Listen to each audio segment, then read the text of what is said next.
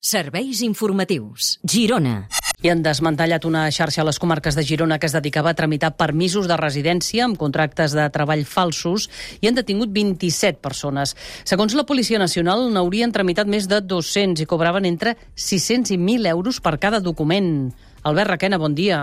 Bon dia. La investigació va començar a principis de l'any 2000, quan els agents es van adonar que el contracte de treball que s'adjuntava a una petició de permís de residència semblava fals. La investigació va posar al descobert que el mateix empresari havia presentat més de 200 expedients a les delegacions del govern de Girona, Barcelona, Tarragona i Múrcia. Els agents també van comprovar que l'empresa que contractava aquestes persones no tenia estructura per donar-los feina a tots. Una inspecció fa uns mesos en una explotació agrícola va confirmar les sospites dels agents i van detenir l'empresari i diversos col·laboradors. En total, fins ara s'han detingut 27 persones, acusades majoritàriament de delicte de falsetat documental. A l'empresari i tres col·laboradors també els acusen d'afavorir la immigració irregular i de pertànyer a una organització criminal. La policia continua investigant el cas i no descarta més detencions. Catalunya Ràdio, Catalunya Informació. Serveis informatius. Girona.